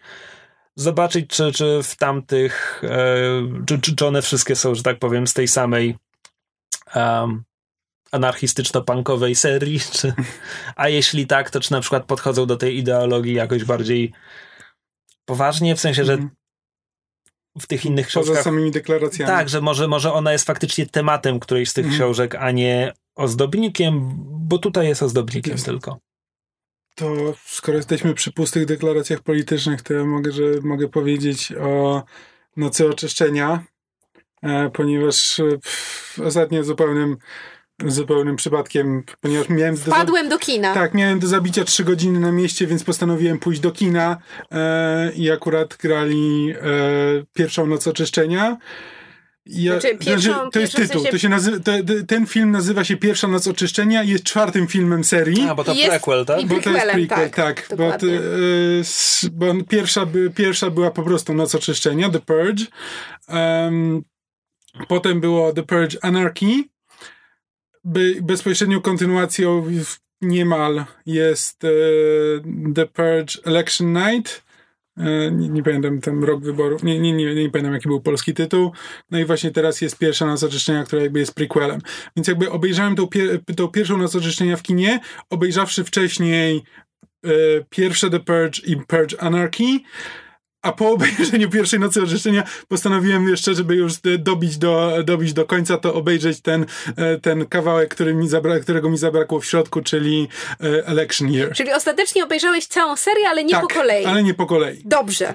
I, I zrobiłem chyba dobrze. E, znaczy, w, ja lu lubię pierwszą, pierwszy, Jezus, to jest, chciałem powiedzieć, że lubię pierwszą noc oczyszczenia, mając na myśli noc się, oczyszczenia po prostu. Posługuj się angielskimi tytułami, co? E... Bo angielski tytuł pierwszej nocy oczyszczenia jest The First Purge. The First Purge, tak. To posługuj się angielskimi. Dobrze, więc lubię The Purge. E... Pierwsza The Purge. God damn it! E, to jest taki... To wszystkie są dosyć głupimi filmami. E, jakby pierwszy traktuje to... Mm, może wytłumacz, czym jest The Purge dla tych, którzy Dobra. nie wiedzą. Okej, okay, to jest f, f, dobry. Bo ja pamiętam, że jak ja widziałam trailery The Purge, to wyglądało na głupi film, ale jakby podobał mi się pomysł. To znaczy, tak. to było coś, czego wcześniej nie widziałam. Znaczy, pomysł jest taki, że y, Stany Zjednoczone przejęła y, partia y, totalitarno-faszystowska. E, nazyw hmm. Oni się nazywają... Przypadek? Partia to jest, ojców to... założycieli, czy coś takiego. Tak, tak. Nowych ojców założycie, założycieli. The New Founding Fathers of America. E, to, to jest, to jest poniekąd przypadek, bo... Cykl wyprzedza Trumpa. Tak, cykl wyprzedza Trumpa. Jakby pierwszy film jest z 2013 roku. No, ale jakby Trump nie wziął się znikąd, jakby nastroje tak, ale takie w Stanach były od pierwszy czasu. film, pierwszy film w ogóle nie jest jakby tak politycznie zaangażowany. Jakby to jest pretekst. taki. Tak, to jest po prostu e, pretekst do stworzenia dystopii. Znaczy, że jakby, mhm. E, no, że mamy dystopię, no to jakby kto mógł stworzyć taką dystopię, no to raczej taki neofaszystowski rząd, ale nie czujesz tam, że to jest jakby odwołanie do jakichś konkretnych nastrojów, nastrojów społecznych w Stanach. Znaczy, mm, znaczy jest, ale nie, nie do jakichś konkretnych, e, nie do na przykład konkretnej partii, nie do konkretnych osób, mhm. e, tylko takich ogólnych, e, ogólnych tam ruchów. Dobrze, i co ten nowy ustrój zarządza? Ustrój zarządza tyle, że wpadają na pomysł, że żeby się pozbyć, znaczy to jest w wersji ideologicznej, jest tak, że żeby się pozbyć wszystkich negatywnych emocji, to raz w roku będzie taka jedna noc, w której e, wszystkie przestępstwa są dozwolone, łącznie z morderstwem. I jakby wszyscy Hulaj mogą dusza, się. Tak, wszyscy mogą się wyżyć po to, żeby e, później przez resztę roku już nie popełniać tych morderstw i żeby było ten. Czyli jakby wszystkie zbrodnie są legalne, nikt nie będzie ścigany, aresztowany, tak, i, osądzany i tak, tak dalej. Tak, jakby w momencie, e, jakby w, w The Purge, w tym pierwszym filmie, e, to już jest e, tam chyba szósty rok e, funkcjonowania tego i jakby jest mowa o tym, że no od tego czasu, kiedy wprowadzono właśnie Purge, to to przestępczość spadła na jakby w, nigdy nie, wcześniej niespotykany poziom. E, i Ogólnie wszyscy, idealne rozwiązanie. Tak, wszyscy, ży, wszyscy żyją e, w bogactwie. No i jakby jest tam e, i pojawia się tam ten wątek, przy czym on jest trochę na drugim planie, ten wątek, że tak naprawdę to chodzi o to, że E, kiedy mamy te noc oczyszczenia, no to najbogatsi zamykają się w swoich domach, mają specjalne systemy, e, systemy ochrony, a y, ci ludzie, którzy się zabijają, to są ci najbiedniejsi. E, więc to jest po prostu sposób na to, żeby się pozbyć jakby, żeby po prostu... Z, Dosłownie oczyszczają... żeby stanoso, stanosować Amerykę, to znaczy jakby w, tak. z, obniżyć, obniżyć populację po to, żeby e, jakby była mniejsza grupa, której będzie się żyło dostatni. Podoba mi się ten, ten czasownik. Państwo strasznie się tanosili ostatnio. um, Tak, i to jest, to jest interesujący film, tam jest sporo, mm, znaczy nie sporo, to, to, to jest głównie thriller, e, w, w, w, którym po prostu jest to napięcie, e, w którym jakby jest pewna takie... Te, społeczny komentarz właśnie na temat jakby ekonomicznej sytuacji i tego, że no jakby możesz wprowadzić taki tego, jak, działa, jak działają niektóre prawa, że możesz prowadzić prawo, które teoretycznie dotyczy wszystkich, jakby morderstwo jest legalne, każdy może zginąć, ale no ono będzie dotyczyło niektórych grup społecznych zupełnie inaczej niż, e, niż innych. I na przykład też tam jest wątek tego jakby napięcia wewnątrz e, jakby klasy średniej, ponieważ nasi bohaterowie jakby, których to jest taka wyższa klasa średnia. Właśnie, bo chciałam się zapytać, bo mam wrażenie, że trailery sugerowały, że The Purge jakby ta, ta warstwa tego systemu, jakby tego czym jest ta noc oczyszczenia, to jest jakby pretekst, bo tak naprawdę film jest jakby thrillerem o o właśnie takiej wyższej klasy średniej rodzinie, która niby ma ten system zabezpieczeń, ale on zaczyna no, szwankować no, tak, i to jest no. obleżony dom. Oni się muszą bronić przed ludźmi, którzy próbują ich skrzywdzić, tak, prawda? Tak, tak. No I tam są też takie elementy, właśnie elementy tego, że jakby sąsiedzi to, to jest spoiler, ale no zakładam, że no już jak ktoś chciał obejrzeć, no to to nie jest bardzo duży spoiler, ale tam jest też motyw tego, że na przykład wiesz, że oni się bronią przed po prostu różnymi ludźmi, którzy przychodzą, a na koniec też się okazuje, że sąsiedzi też mają wobec nich e, złe zamiary. Tak, złe zamiary i te, tego typu rzeczy. Więc tam jest po prostu na, na różnych poziomach społecznych ten komentarz trochę. E, no i potem przyszła e, The Purge Anarchy, który z kolei jest bardziej filmem akcji. I dzieje się e, później. Rok, dzieje się tam, tak, nie wiem, ja, nie wiem jak dużo Aha. później, e, nie, nie pamiętam już dokładnego timeline'u, ale tam dzieje się, dzieje się trochę później, jest zupełnie inna obsada, jakby opowiada o zupełnie innych ludziach. E, tam e, to jest jeden z, nie, nie wiem czy to jest debiut zupełnie, ale tam po raz pierwszy widziałem Franka Grillo, który później grał... E, w, w znaczy- Kapitanach Ameryce ten znaczy, Crossbones. Ale Crossbonesa. znaczy Frank Grillo jakby w showbiznesie istnieje od lat, to nie znaczy, był jego tak, debiut. Nie, no okej, okay, nie, dobra, nie, to, to, prawda.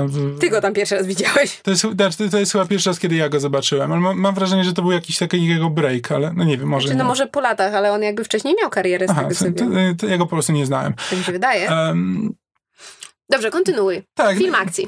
E, I tutaj nie będę się wypowiadał, bo za, za, dobrze go nie pamiętam, ale to jest zasadniczo Frank Grillo plus grupka przypadkowo zebranych ludzi, którzy próbują się przebić przez ulice miasta podczas nocy oczyszczenia. I nie zginąć. I, e, i nie zginąć. I tam na koniec, e, na koniec się wszyscy orientują, że o mój Boże, E, to politycy próbują nas wszystkich pozabijać i jakie są tak naprawdę prawdziwe zamiary e, tej partii, tak, tej partii tych e, ojców założycieli. Jakby po raz pierwszy się ludzie orientują, że, e, że ludzie, są... ta grupa.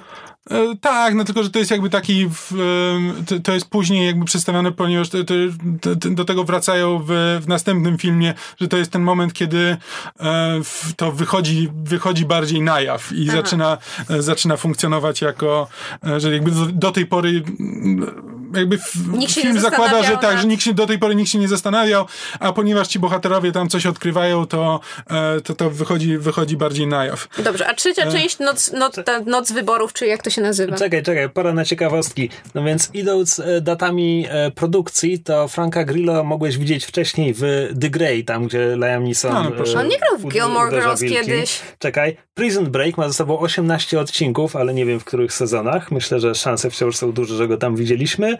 I wreszcie Raport Mniejszości, gdzie grał e, jednego z policjantów. Mhm. Hmm. No co, jednak wcale nie, wcale nie czuję się teraz źle, że nie słyszałem o nim przed, przed, przed tą nocą oczyszczenia. No, no daj spokój, 18 odcinków Prison Breaka, to musiała być postać. Jakaś. tak. Um, Dobrze, trzeci tak. film Noc Trzeci wyborów. film, te, te, rok wyborów, w Kanadzie się nazywa The Election Year. Um, i to jest Frank Grillo powraca jako główny bohater i tym razem już po, po kilku latach od, e, od wydarzeń poprzedniego filmu on jest teraz ochroniarzem pani senator, która jest przeciwko e, nocy oczyszczenia. E... A rozumiem, że przez cały ten czas partia rządząca to nadal byli ci, którzy wymyślili Tak, tak, to, to cały czas tam funkcjonuje, ale tam film zaczyna się właśnie od tego, że w, Zbliżają mamy, się wybory? Tak, nie, znaczy zbliżają się wybory, to po pierwsze jakby zaczyna się od e, E, debaty pomiędzy kandydatem tej partii NFFA, tych nowych ojców założycieli Ameryki i jakkolwiek nazywa się e, partia sta przeciwko w, w nocy oczyszczenia. Stop killing people. E, tak. Mm, I to właśnie, tylko że zaczyna się od wiadomości, w której się dowiadujemy, że coraz więcej osób zadaje sobie pytanie, czy to jest tylko sposób na zabicie jak największej ilości biednych ludzi. Um, no i jakby i pani senator otwarcie właśnie o tym mówi, że tak właśnie jest i że to jest wszystko z powodów ekonomicznych. E, I jakby też wychodzi na to, że jakby jak słyszymy argumenty ty, tego kandydata, tych ojców założycieli, to to nie jest tak, że on się od tego odżegnuje, tylko on mówi, że no tak, że jakby teraz jest jakby ekonomiczny boom i to nam zawdzięczamy i zawdzięczamy to właśnie nocy oczyszczenia, więc po prostu tak jakby trochę zmieniła się narracja, e, ale wciąż oni przy tym obstają, tylko że po prostu już są trochę bardziej otwarci e, w tym, ale, tak, ale bo, wciąż tak. Bo no- wyniki no, mówią same za siebie. Tak, no tro, trochę tak. Dobrze, to ja mam teraz kluczowe pytanie, czy e, akcja filmu sprowadza się do tego, że przychodzi kolejna noc oczyszczenia i ludzie próbują zabić panią senator, a Frank Grillo ją broni. Znaczy, tak, tylko że to się bierze stąd, że do tej pory... Była e, raz do roku, a teraz robią spontanicznie? Nie, nie, nie. E, to jest wciąż jakby, to się dzieje jakby przed ja, coroczne... Ja, ja, zadaję dużo pytań, bo ja jestem autentycznie zafascynowana tą serią. To, nie, to jest jakby coroczne, coroczna tradycja. Tyle, ją obejrzeć. I to jest... Ja chciałam ją obejrzeć, ale Kamil mi teraz opowiada, to jest jak bajka na to dobranoc. Jest, to jest jakby, to jest coroczna tradycja i ona jest tam związana też z różnymi, znaczy tam nawet ktoś mówi, że to jest jak Halloween dla dorosłych, bo ludzie się przebierają w maski i kostiumy i idą, e, i idą oczyszczać, tak, no. E, Halloween, typowe. Tak, w dodatku e, ta partia ojców założycieli e, robi taką specjalną mszę, e, zamkniętą mszę, tylko dla jakiejś swojej, e, ale właśnie mszę oczyszczenia, podczas której tam na koniec się okazuje, że tam mordują, e, mordują też ludzi rytualnie. Lovely.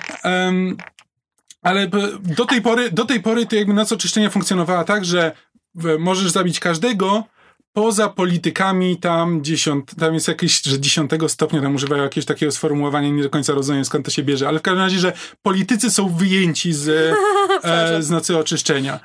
Um, Wygodne. E, tak. E, I likwidują tę zasadę. E, że teraz już, e, że teraz nie obowiązuje, w związku z czym można zabić panią senator. Jakby oni to robią specjalnie po to, Oczywiście. żeby właśnie... A sami się chowają. Sami się chowają, a jeszcze potem się okazuje, że zatrudniają wiesz, zdrajcę, który Oczywiście. dzięki temu ta pani senator potem musi uciekać ze swojego, wiesz, dobrze przygotowanego domu i tak dalej.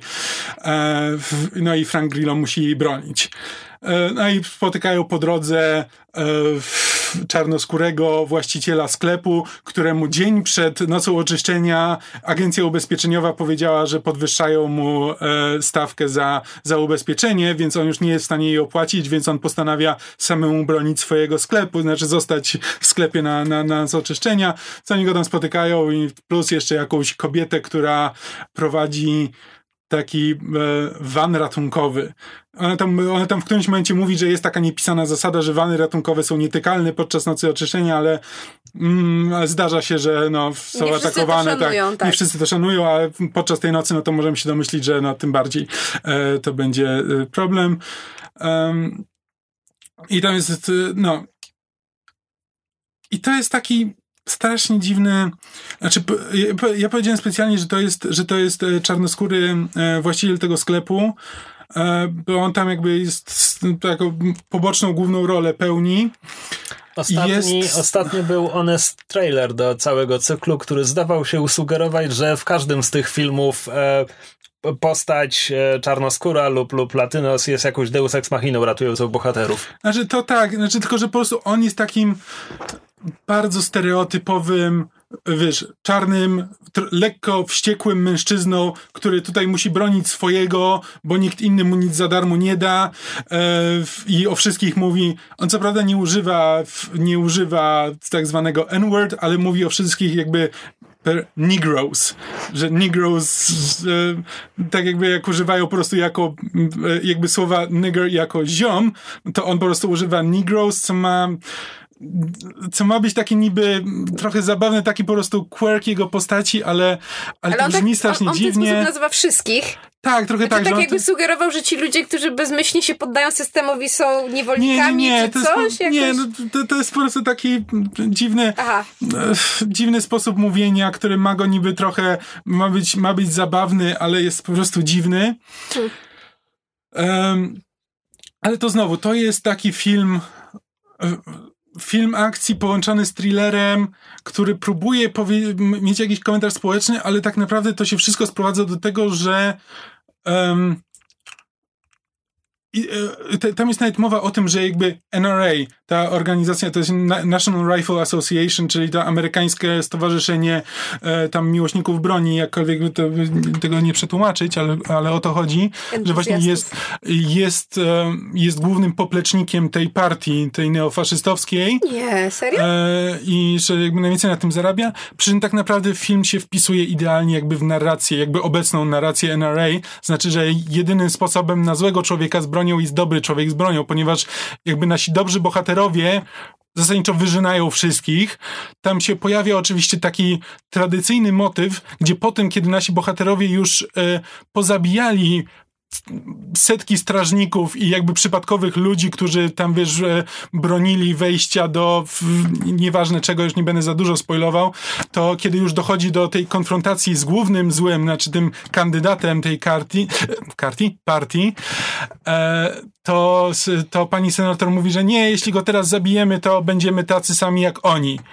Mimo, że wiesz, zamor wszyscy zamordowali wcześniej, tak, jakby 30 po prostu osób, które nie miały nazwiska w tym filmie, więc, więc one się nie liczą.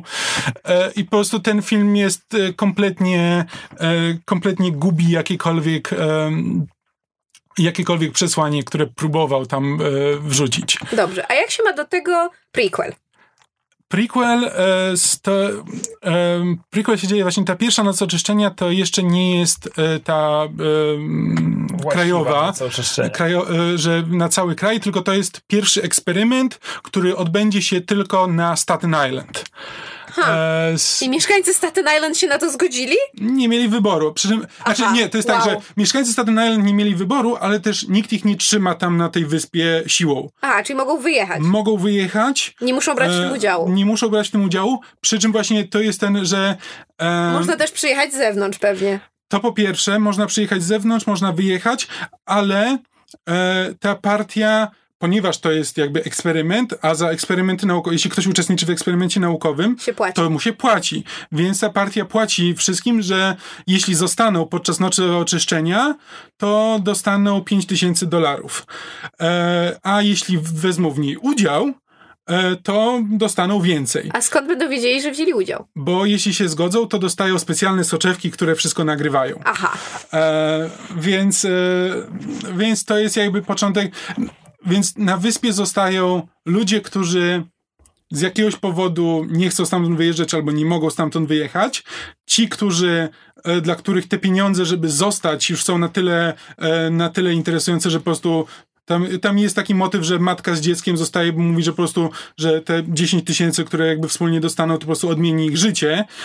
E, więc, więc tam I liczy zostają... na to, że da, udaje się przetrwać. Tak, bo tam wiesz, się zamykają z, no razem tak. z grupą innych osób w jakimś kościele i wiesz. poza tym to jest też tak, że nie wszyscy wierzą, że to rzeczywiście, no tak, no że rzeczywiście się odbędzie, więc tak e, nie wiedzą w jakim, w jakim stopniu to, e, więc tak. No i zostają też ludzie, którzy po prostu chcą w tym uczestniczyć, plus e, mogą przyjechać ci, którzy po prostu mają taką ochotę. Um, więc to jest jakby ten początek, no i tu już się zaczynają interesujące jakby napięcia, no bo jakby mamy ten komentarz, że no jakby ewidentnie um, ta partia rządząca jakby do tego zachęca i podbudowuje te nastroje i ewidentnie nasyła film, film zaczyna się od paru takich scenek z właśnie kandydatami do tego eksperymentu, którzy po prostu z, z szaleństwem w oczach mówią o tym, że wszyscy, wszyscy zapłacą, wreszcie się przekonają, że tego typu rzeczy po prostu, e, że wybierają tych najbardziej psychopatycznych. They rigged the game. E, tak. Um, i że, że, że ewidentnie komuś na tym zależy, żeby to się udało. Jakby jest, jest o tym mowa wielokrotnie. Um, i e, poznajemy naszych głównych bohaterów. Główni bohaterowie to jest Dmitri, który jest dealerem narkotykowym, znaczy takim narkotykowym e, kingpinem na, na wyspie. No jakby on zostaje, bo mówi, że no nie może, nie może ruszyć interesu, bo po pierwsze byłby wtedy, po pierwsze no jakby gdyby zabrał cały swój towar i go próbował przetransportować gdzie indziej, no to byłby łatwym celem. No tak. Po drugie w, wtedy by wszyscy pomyśleli, że jest słaby, więc on po prostu zostaje i barykaduje się w swojej siedzibie e, na noc. E, ze swoimi ludźmi. Tam jest jeszcze aktywistka, która mówi, że powinniśmy się temu przeciwstawić i jakby zostaje na tej wyspie, bo... Próbuje coś udowodnić. Tak, bo próbuje coś udowodnić, próbuje właśnie namówić innych ludzi, żeby się nie dawali i nie przyjmowali na przykład tych pieniędzy, które oferują, e, które oferuje im rząd i ta aktywistka, jak się okazuje, jest byłą dziewczyną tego dealera, więc jakby już od razu wiadomo, że e, tam ich drogi się spotkają. I jest też e, brat tej aktywistki, który chce zostać, chce zostać dealerem, chce się wkręcić do tej organizacji te, tego Dimitriego, jakby jego siostra się temu sprzeciwia, ale on jakby postanawia przyjąć te pieniądze, ponieważ tam zaatakował go jakiś e, e, jakiś koleś przy, przy innych, e, jakiś facet taki, którego zresztą widzimy właśnie w tych początkowych scenach jako jednego z tych psycholi, którzy zostaną na wyspie, jakby on go tam w którymś momencie atakuje nożem, tam go tnie po szyi, e, więc on zostaje, żeby się zemścić na nim i przy okazji wziąć te pieniądze. Um, i y, z, drugiej strony mamy, poznajemy właśnie trochę więcej tak od strony tych, e, tych ojców założycieli, bo poznajemy głównych architektów tego eksperymentu, czy po prostu jakiegoś tam, jakiegoś kolesia, e, przedstawiciela tej partii, e, który, który tym wszystkim zarządza i panią profesor, która wygląda na to, że autentycznie wierzy w to, że ten eksperyment jakby psychologicznie, jakby to, że ludzie się wyżyją, to, to, to, to ma sens. Grają Marisa Tomei. E, tak. Ciekawy casting. Um, no i tak, i więc wszyscy nam zostają na tej wyspie. Um, I to jest tak. I cały początek jest interesujący, bo, e, bo rzeczywiście jakby orientujemy się, że na początku tam się niewiele dzieje. Znaczy, na przykład pierwszą, pierwsza ofiara, którą widzimy, to jest, znaczy, jakiś koleś wychodzi z domu po to, żeby się włamać do bankomatu. I natychmiast zabija go właśnie ten, e, ten szaleniec, który zaatakował wcześniej tego brata, o którym, o którym mówiłem. E, I on jest jakby pierwszym mordercą podczas tej, e, tej nocy oczyszczenia. Ale większość osób albo zostało w domach, są też imprezy oczyszczenia organizowane, gdzie po prostu takie rejwy na ulicy, po prostu ludzie się spotykają i tańczą w maskach i no właśnie chciałam e, przebraniach. Zapytać, bo chciałam zapytać, no bo jakby ta, ta, no w nocy oczyszczenia wszystko jest legalne, nic nie jest nielegalne. Ale czy ta seria sprowadza... Czemu, czemu wszyscy uciekają się do morderstwa? No właśnie, czy, czy, czy, ta seria sprowadza wszystko do, do jakby do, głównie do morderstw, czy na przykład są jakieś przebitki, że ludzie w tym czasie, nie wiem, uprawiają bestialstwo albo orgi znaczy, organizują? Są, są takie przebitki, znaczy wiesz, jest tam w którymś momencie jest e, pokazane jakaś, jakaś para uprawia seks na, wiesz, na e, masce samochodu na środku ulicy, e, no i właśnie ktoś to komentuje komentuje na zasadzie... To jest nielegalne? No właśnie ktoś to komentuje, że no seks w miejscu publicznym, no, no co życzenia, teraz to jest legalne. Coś takiego, no jakby, ale to jest, to jest tak bardzo na boku, to tak bardzo nie ma znaczenia. Jakby morderstwo jest ewidentnie głównym e, z, głównym bohaterem tej, tej serii. Brak wyobraźni. Prawda? E... Tyle potencjału. I też tak nie wiem, miałem nadzieję, że to jest, że to, że ten film próbuje powiedzieć coś, coś ciekawego, no bo tam są te, jest ta na przykład impreza oczyszczenia i widzimy, i wchodzi na nią w którymś momencie ten, e, właśnie ten szaleniec e, i tam kogoś zaczyna mordować. I jakby zastanawiałem się, czy to jest po prostu, czy to próbuje pokazać taką eskalację tego konfliktu, że no wystarczy taka jedna, e, jedna osoba, żeby inni poczuli się, e, żeby ten, zachwiać tym poczuciem bezpieczeństwa, które ewidentnie wszyscy mieli, no bo spotykali spotykali się podczas tej nocy oczyszczenia, imprezowali razem i nikt się nikogo nie bał. Jakby było jakieś tam poczucie społeczności tam zbudowanej, że wystarczy taka jedna osoba nakręcona na przykład przez rząd, żeby to kompletnie zburzyć. Ale nie, bo potem jakby, y, bo potem dochodzimy do tego, że no owszem, on tam kogoś zaatakował, ale potem mamy przebitki do tej siedziby głównej tych ojców założycieli i e, właśnie pani profesor z tym, z tym kolesiem, e, tym przedstawicielem rozmawia o tym, że no, że w sumie to się mało dzieje i że zdecydowanie e, nie, to, to nie spełnia oczekiwań tego, co zakładali, że ludzie, ludzie nie zabijają się w takim tempie, w jakim oni by chcieli. Więc oczywiście jest motyw tego, że e, ci ojcowie założyciele wysyłają swoich najemników e, do na wyspę po to, żeby, żeby tam zrobili rozróbę. Więc tam przyjeżdżają ludzie i to ten film nie jest subtelny, bo przyjeżdżają, jak widzimy tych najemników, którzy przyjeżdżają, to są e, ubrani na przykład w kaptury Ku Klux Klanu. E, albo w takie bardzo przesadzone stroje przypominające mundury nazistowskie. E, Czy któryś z nich ma flagę konfederatów?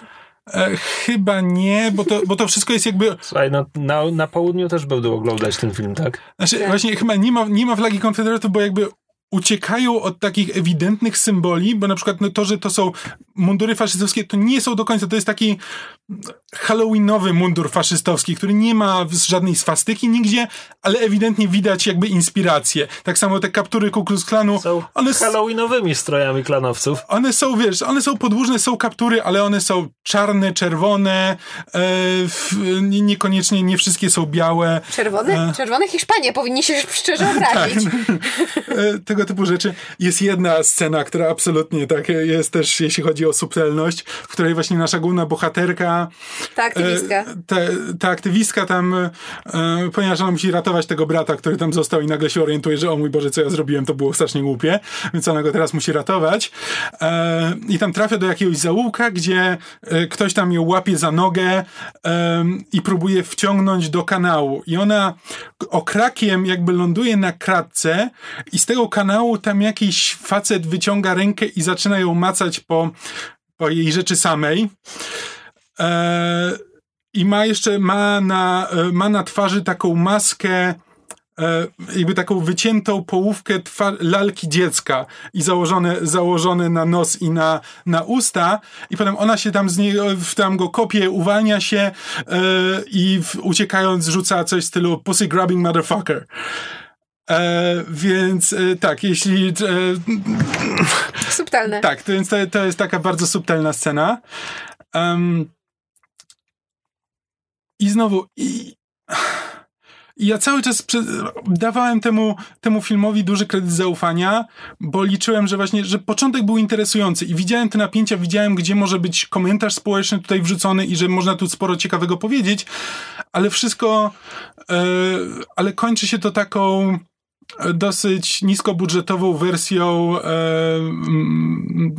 rajdu albo e, ten sędziego Dreda, gdzie po prostu mamy scenę akcji wewnątrz e, bloku, e, tylko że jakby na mniejszą skalę niż, niż sędzia Dredd bo ten blok jest takim symbolem tego, że tam, tam mieszka najwięcej, że to, to jakieś tak ujęli, że jakby przedstawia najbardziej um, um, typową grupę, e, grupę etniczną Staten Island, czy coś takiego. Znaczy to jest jakby e, tak zawoalowane, że tam zasadniczo mieszkają wszyscy czarni i latynosi, jakby najbiedniejsi to mieszkają właśnie w tym bloku, więc tam przeprowadzają rajd na, e, żeby tam wszystkich wybić. No i tam się kończy po prostu sceną, sceną akcji wewnątrz. Jedyne, co muszę powiedzieć, to że e, to co, to, co jest interesujące w tym filmie, znaczy to jakby przesłanki tam są, które po prostu są niespełnione, ale są jakby pewne, e, pewne interesujące pomysły.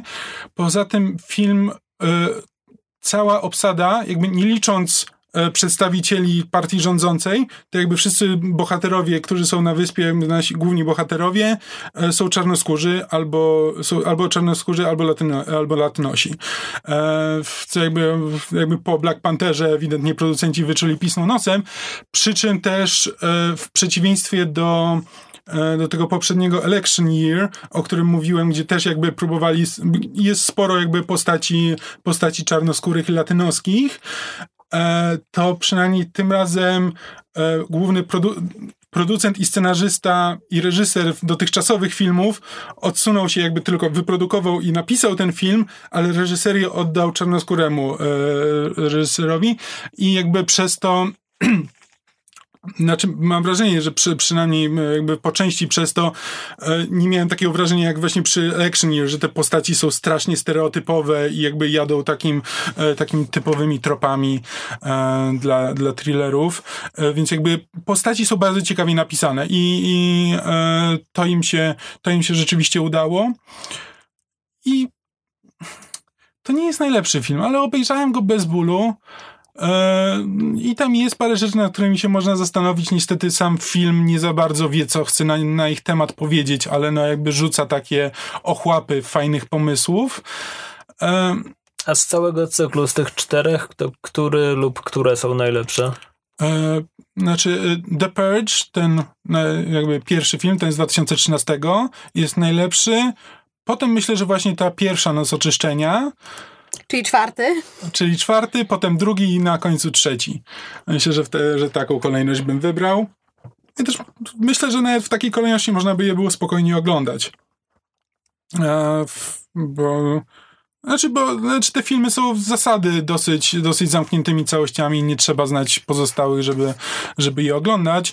Przy czym jakby drugi i trzeci to w, tylko jeśli ktoś na tyle polubił to e, e, ten pomysł na te, na tę serię, żeby, żeby to oglądać dalej. Ale jeśli ktoś po prostu jest ciekaw, no to wciąż e, The Purge, ten z 2013 warto obejrzeć, jeśli ktoś po prostu dla kogoś ten pomysł wydaje się interesujący, tak jak dla myszy, tak jak mysz mówiła, że ciekawił ten pomysł, no to wciąż pierwszy The Purge polecam, potem można obejrzeć The First Purge, a potem już jak chcecie.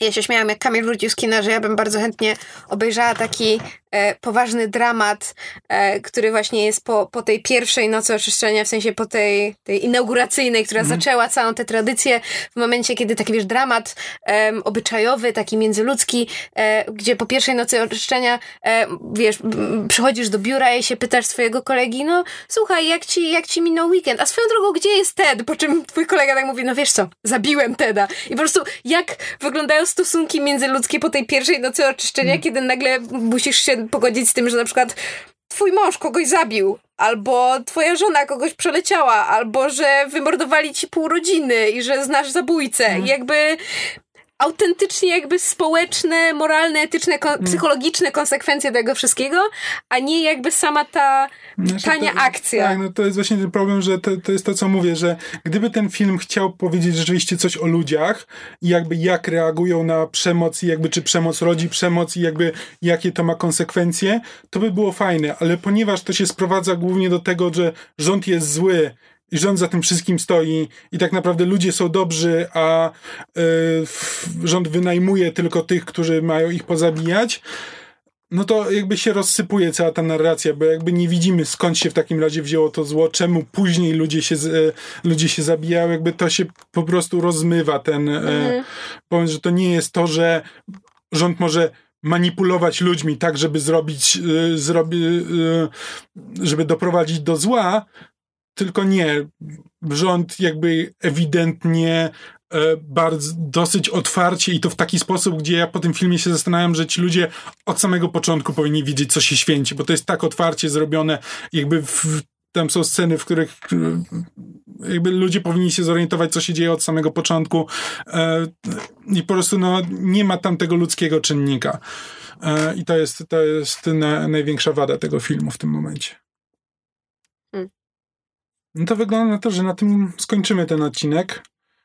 Trochę krótszy niż zazwyczaj, ale... Zapraszamy do następnego. Ale tak, już na, na, w następnym będziemy już po Ant-Manie prawdopodobnie i po czymś jeszcze, co czym Prawdopodobnie Mission Impossible. A właśnie. Będziemy, będziemy celowali w to, żeby obejrzeć um, poprzedni, czyli Rogue Nation. Chyba dobrze mówię, prawda? Dobrze mówisz. Tak. tak. Um, bo Fallout jest jego bezpośrednią kontynuacją, więc chcemy sobie przypomnieć tak, poprzedni film, żeby Będą mieć... prawdopodobnie ze trzy filmy, które wszyscy razem obejrzymy, więc będzie o czym rozmawiać. Tak. A w międzyczasie na pewno przeczytamy i obejrzymy też inne rzeczy. Na pewno się dużo rzeczy wydarzy w świecie popkultury, więc będziemy o nich wspominać. I do usłyszenia wtedy. Papa. Pa. Cześć. Na razie. A jeśli macie jakieś pytanie, fu, a jeśli macie jakieś pytania, komentarze, sugestie, albo chcecie się z nami e, nie zgodzić albo zgodzić na temat jakichś e, dzieł popkultury, które żeśmy omawiali w tym lub innych odcinkach, bardzo zapraszamy do kontaktu z nami. Możecie nam wysłać maila na myszmaszpodcast.gmail.com Możecie do nas, e, you can add us on Twitter, w sensie możecie do nas, do nas napisać, nas otagować na Twitterze at myszmaszpodcast. Mhm. Możecie pisać nam komentarze na naszym fanpage'u na Facebooku, myszmasz podcast popkulturalny. Możecie pisać na naszej, w komentarzach na naszej stronie e, myszmasz.pl Mhm. E, I jak zwykle zachęcamy do polubienia e, fanpage'a i kanału na YouTubie Podsłuchane, w ramach którego wychodzi e, Myszmasz i tam możecie posłuchać archiwalnych odcinków, możecie się również udzielać i możecie posłuchać mnóstwa innych podcastów naszych krewnych i znajomych Myszmasza, którzy produkują bardzo fajny content i zachęcamy do jego słuchania. Co, teraz już naprawdę się żegnamy? Tak. Trochę to wyszło jak takie pożegnanie, kiedy się orientujesz, że już się z kimś pożegnałeś, ale idziecie wciąż w tę samą stronę. Tak, bo zaparkowaliście więc, na tak, tym samym parkingu, tak. Tak, więc tak. Teraz, teraz musimy się pożegnać jeszcze raz i teraz jest tak trochę niezręcznie, hmm, więc... That's, e, that's awkward. That's tak, a bit awkward. Do, do, do, do usłyszenia za dwa no, tygodnie? Tak. No, to... no nie, ja też tam zaparkowałem. No, no to cześć. Hej.